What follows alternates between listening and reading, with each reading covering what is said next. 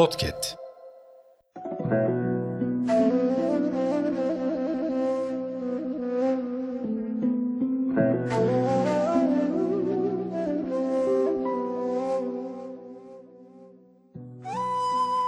Nestağfirullah, nestaizu billah, bismillah, velhamdülillah, ve salatu ala Resulillah. Selamun Aleyküm. Yoğun gündemleri içerisinde şu sohbetimize, hasbihalimize iştirak etme tenezzülünü başlatan kıymetli dinleyicilerim. Kötülük nedir? Kötülük nedir diye size şu anda sual ettiğim gibi sizler de karşılaştığınız bireylere bunu soru olarak takdim etmiş olsanız farklı cevapların verildiğini görürsünüz. Kötülük insanın tabiatına aykırı ve zararlı olan, ayıplanan ve yerilen şeydir genel tanımıyla. Ancak kötülük de iyilik gibi insanın çok yakından tanıdığı bir şey. Bu yüzden okunmasıyla ibadet olan alemlere öğüt ve şifa olsun için gönderilen yüce kitabımız Kur'an-ı Kerim iyilik, ihsan gibi onun da tanımını yapıyor, yapmıyor. Bununla beraber pek çok ayette kötülükten uzak durmamızı öğütlüyor. Kötülüğü anlatmak için çeşitli kavramları kullanıyor. Bunların hepsinin ortak noktası yaratılışa aykırı oluşu. Yani fıtrat diye tabir ettiğimiz ve sizin de birçok kez duymuş olduğunuz. Fıtrat yani yaratılış da kısaca doğruya, gerçeğe, iyi ve güzel olana meyletme ve bunların zıtlarından, karşıtlarından kaçınma yeteneği olarak tabir edilir. Uçsuz bucaksız kainattan atom altı kuark parçacıklarına kadar her şeye her zaman diliminde hükmüyle, hikmetiyle, kudretiyle, bilgeliğiyle ihate edip kuşatan, istiva buyuran Allah Azze ve Cel adaleti ve iyiliği emrettiği ayette çirkinliği, hoş olmayanı ve azgınlığı da yasaklamış. Ancak bunların neler olduğunu açıklamamış. Çünkü insanın yaratılışı fıtratı gereği herkesini de genel çerçevelerle tanıyabilecek bir özelliğe sahip. İşte cuma namazlarında hutbeden inmeden önce imam arkadaşlarımızın, hocalarımızın okumuş olduğu Nahl Suresi 90. ayet örneği gibi. Bu anlamda kötülük şer, kötü kişinin fiili, uygulaması, yansıması olarak genelde anlaşılır. Öyleyse iyinin hayrın zıttıdır kötülük. Genel olarak doğal, ahlaki ve metafiziksel olarak çeşitli gruplara ayrıştırmak mümkün.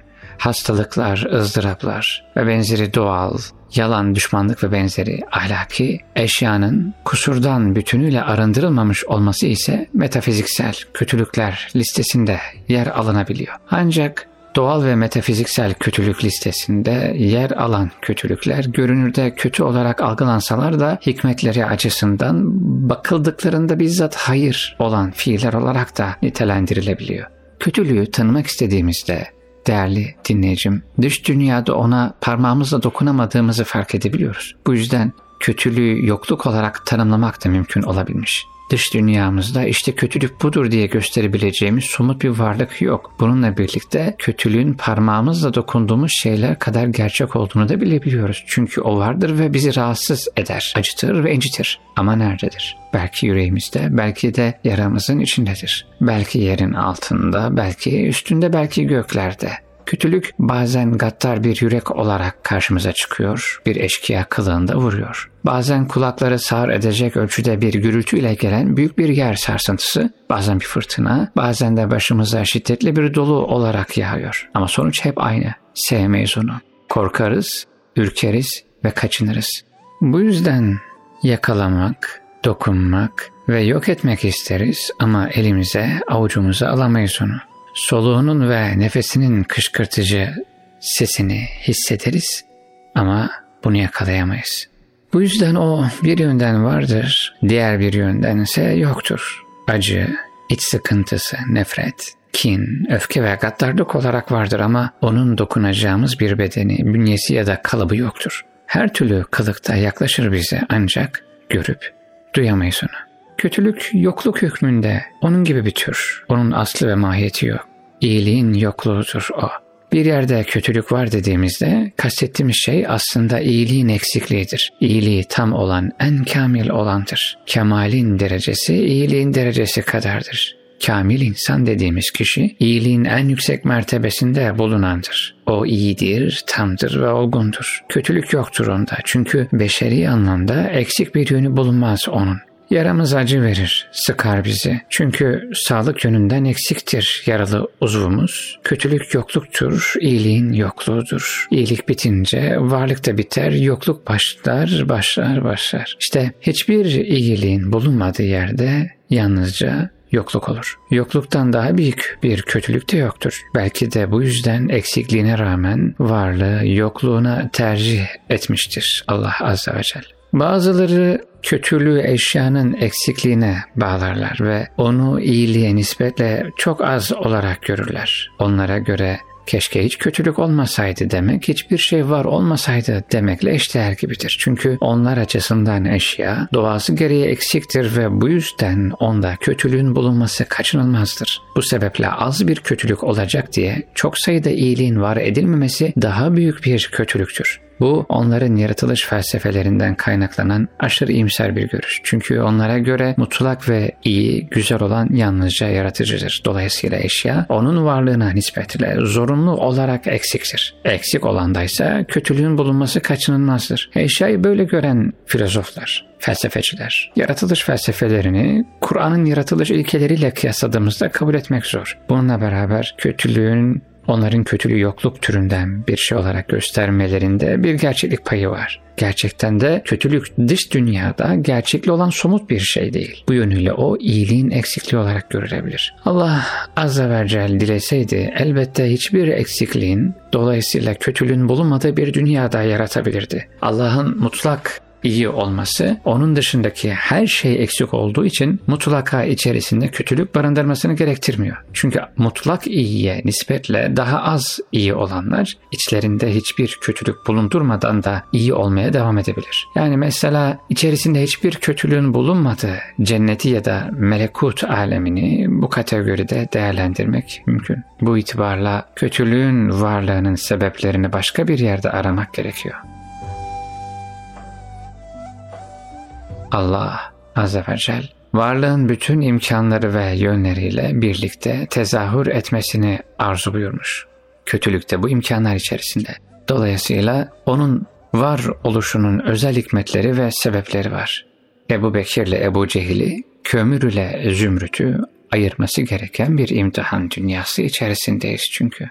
Kur'an kalpleri imanın nuruyla aydınlanmamış ya da inkar bataklığına düşmüş, iman kalplerine iyice yerleşmemiş karamsar insanların kötülüğün kaynağını tespitleri konusundaki tutumlarını münafıkların peygamberimize yaklaşımları bağlamında çok net bir şekilde ortaya koyuyor. Bu tür insanların başına bir iyilik gelirse bu Allah'tandır derler. Bir kötülüğe uğrarlarsa peygamberimize hitaben bu senin hatan ve uğursuzluğun yüzündendir derler. Halbuki yaratma bakımından hepsi Allah'tandır. Kısacası yaratma sebebi açısından bakıldığında insanın başına ne gelirse iyilik Allah'tandır. Ne kötülük dokunursa bu da kesinlikle onun kendi elleriyle işlediği hatalar yüzündendir kötülüğün fiillere bağlı olarak ortaya çıkan bir olgu olduğu dikkate alındığında doğal olarak onun kaynağını söz konusu fiillerin faillerinde aramak gerekir. Yani insan fiillerine bağlı olarak ortaya çıkan ahlaki kötülüklerin kaynağı kötülüğün onun tarafından seçilmiş ve istenilmiş olmasıdır. Ancak doğal ve metafiziksel kötülük listesine yer alan kötülüklere bakıldığında durum biraz daha farklı yani. Bu tür kötülükler her ne kadar görünüşleri itibariyle kötü olarak algılansalar da ilahi iradeye bağlı olarak gerçekleşmeleri yönünden değerlendirildiğinde bizzat iyi ve güzellerdir. Çünkü ilahi iradenin onların gerçekleşmelerine izin vermiş olması bizzat iyi ve güzel olanın ortaya çıkmasına vesile olmaları yönünden yani görünürde kötü olarak gözüken bir olgu olayların nasıl olup da bizzat iyi ve güzel olana vesile oldukları ise onların yaratılmasındaki hikmetlerle e, ilişkili. Kur'an açısından bakıldığında her canlının olduğu gibi insanın da kaderi sonunda ölümü tatmak. Ancak ölüm sonsuz bir yok oluş değil. İşte bu dünyada ekilen iyilik ya da kötülük tohumlarının ebedi semeresinin görüleceği sonsuz ahiret yurduna açılan bir kapı. Bu yüzden imtihan olarak Allah tarafından başımıza iyilik ve kötülük verilir. Sonunda imtihanın sonucunu görmek için onun huzuruna çıkarız. Bu imtihan ilahi hikmete bağlı olarak herkes için farklı şekillerde tezahür eder. Yani yansır ortaya çıkar. O kimileri için biraz korku, kimileri için biraz açlık ve kimileri için de mallardan, kazançlardan, canlardan, ürünlerden eksiltmeyle olabilir. allah Teala işte Bakara suresinde bu konuyu anlattığı ayetlerde sonunda ve beşşere sabirin diye sabredenleri sonsuza kadar sürecek bir bahtiyarlıkla müjdeliyor. Sabrın ne anlama geldiğini ise birçok ayette açıklıyor. Sükut edip başını eğmek değil tabii ki. İmana yakışan asaletli bir duruş ile elinden gelen mücadeleyi şereflice, onurluca sergilemek. Hem kulluk boyutuyla beşeri ve bireysel hem de sosyolojik boyutuyla toplumsal anlamda. Evrenin sonsuz hikmet sahibi bir zat tarafından yaratıldığı açık olarak görüldüğüne göre onun her fiilinde yani her uygulamasında her ne kadar izlerini açık bir şekilde göremesek de bir hikmetin bulunduğunu kabul etmek gerekiyor.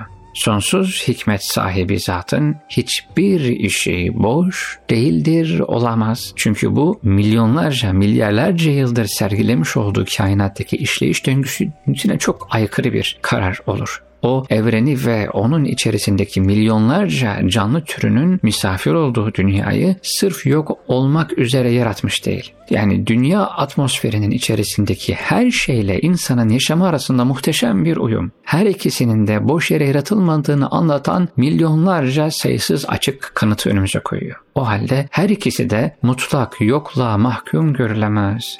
Bu durum çok açık bir şekilde her ikisinin yok oluşunun ardından gelecek olan yeni bir hayata işaret ediyor. Dolayısıyla her ikisinin maruz kaldığı olayları bu yeni hayatın amacına ve şartlarına uygun bir tarzda değerlendirmek gerekiyor.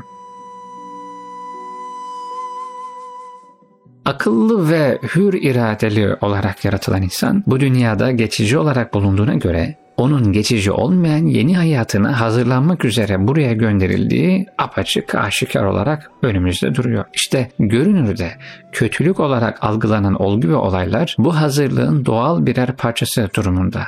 İnsanın onlar karşısındaki tutumu ve tercihleri yeni hayatının tarzını ve yönünü belirler. İşte bu yüzden o biraz açlık, biraz korku, canlardan, mallardan ve ürünlerden biraz eksiltmeyle denenir. Ayrıca bu denenme sürecinde bela ve musibetler insanın mücadele ruhunu güçlendirebilir, onun sabır ve tahammül gibi üstün melekelerini güçlendirerek olgun hale gelmesi yolculuğunda bir dönüm noktası oluşturabilir. Diğer taraftan kötülükler bize kendilerinden sakınmamız gerektiğini de öğretir. Birileri ibret olur, diğerleri ibret alır. Birileri kız savulur, diğerleri hisse alır. Bu öğrenim sürecinde insanın ufku genişler, araştırma ve keşif arzusu güçlenir. Eski toplumların arkeolojik kalıntılarında baktığınızda her birinin onlarca güç ve sayısız e, zenginliğine rağmen ölüm ötesi hayatı düşünerek mezar kazmaları ve defin işlemlerini yapmış olmaları apaçık bir ibretti.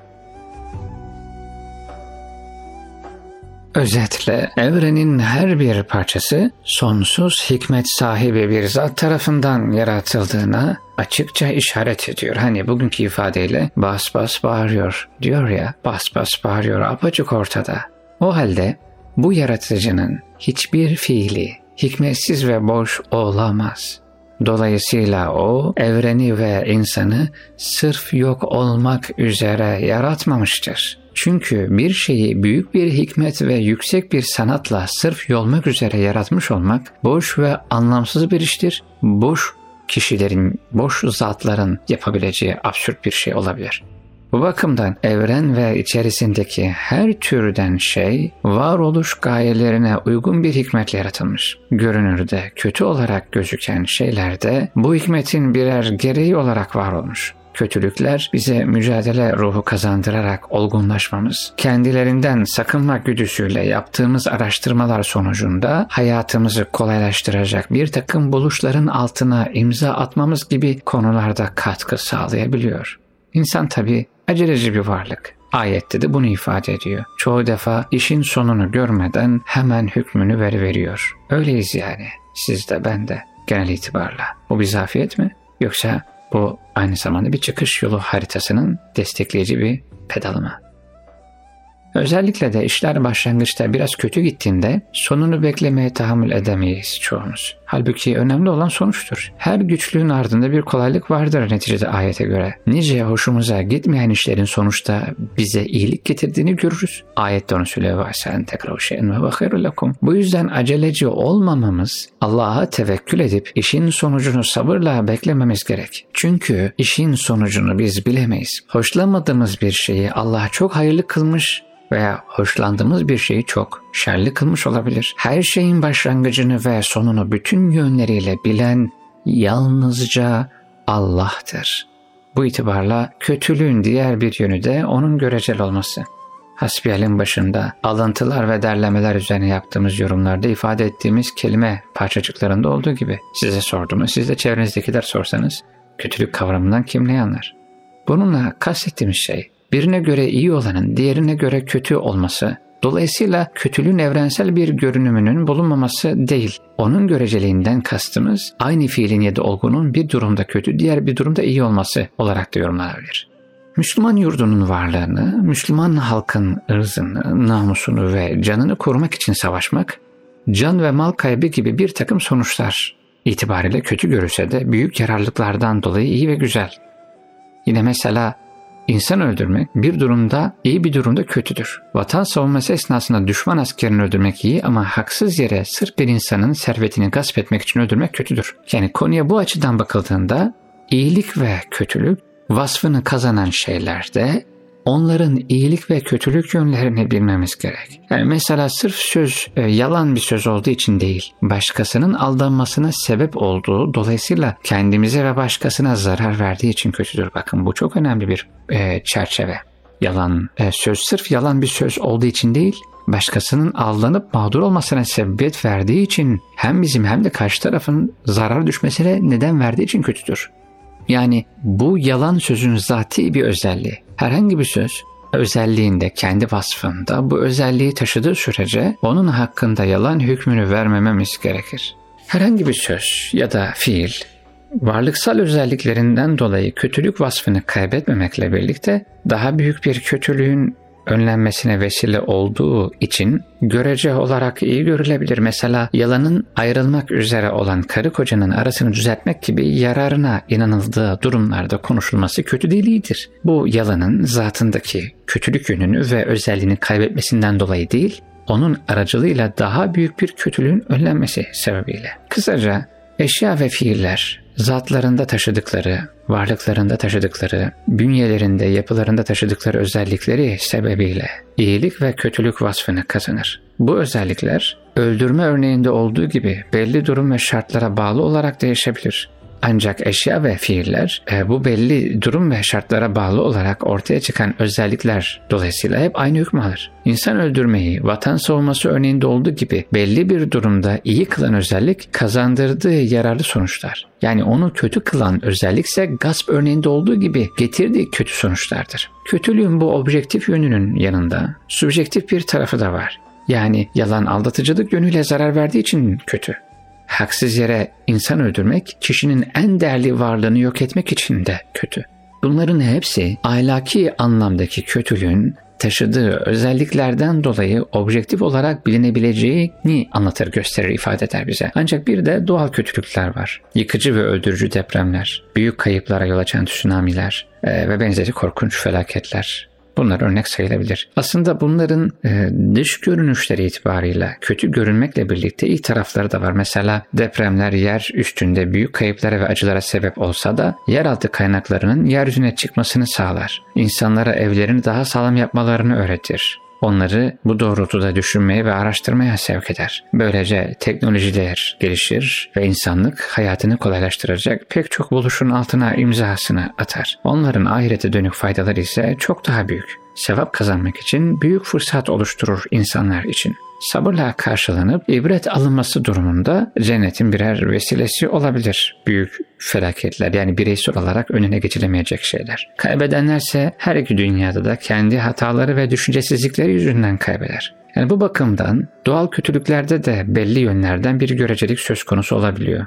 Evrende mutlak kötülük yok. Bir yönüyle kötü olan başka yönüyle iyi olabildiği gibi birine göre iyi olan bir şey başkasına göre kötü olabiliyor. Yani kuzuya, kuzuya göre kurt, ota göre de kuzu kötüdür. Birincisi hayat için sebebi olan bir başkası için ölüm sebebi olabiliyor. Birini ağlatan öbürünü güldürebiliyor. Zıtlıkların birleşmesinden kurulu bir düzen ama muhteşem bir işleyişle var harikulade bir ekolojik denge var. Muhteşem bir e, varlıksal, tabiatsal e, bir sistem var. Kendi içerisinde geri dönüşümün zirvesini yaptırıyor. Niçin böyledir de başka türlü değildir? İşte bu soru temel sorulardan bir tanesi.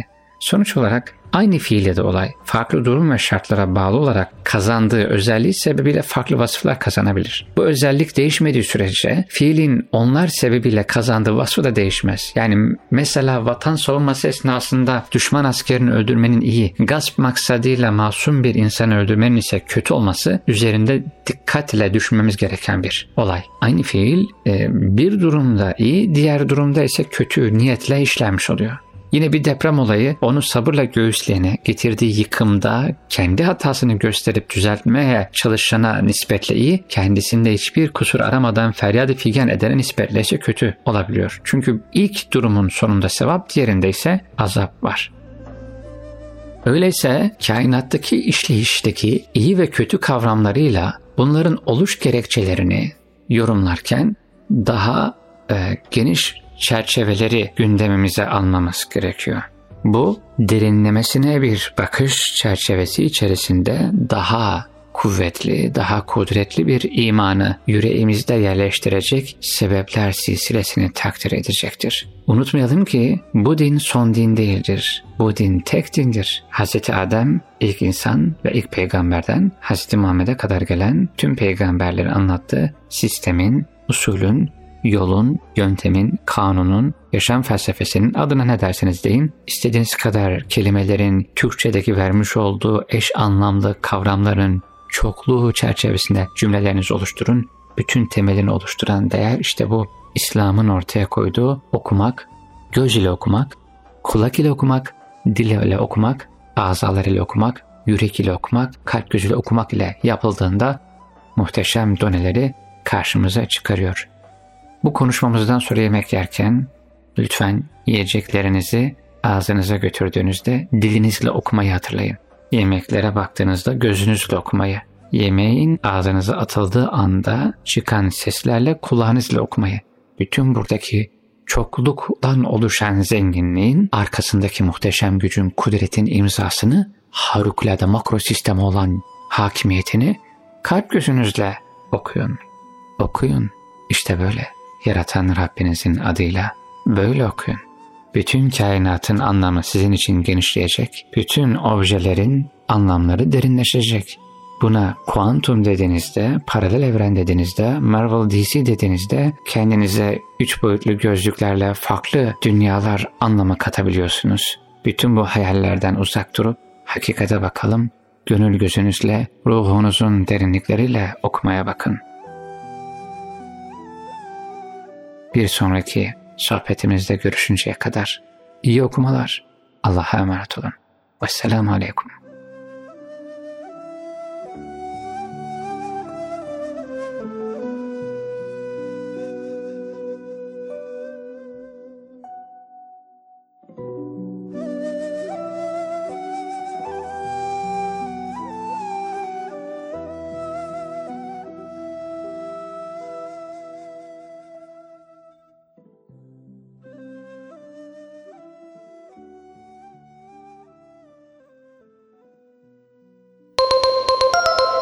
Podcast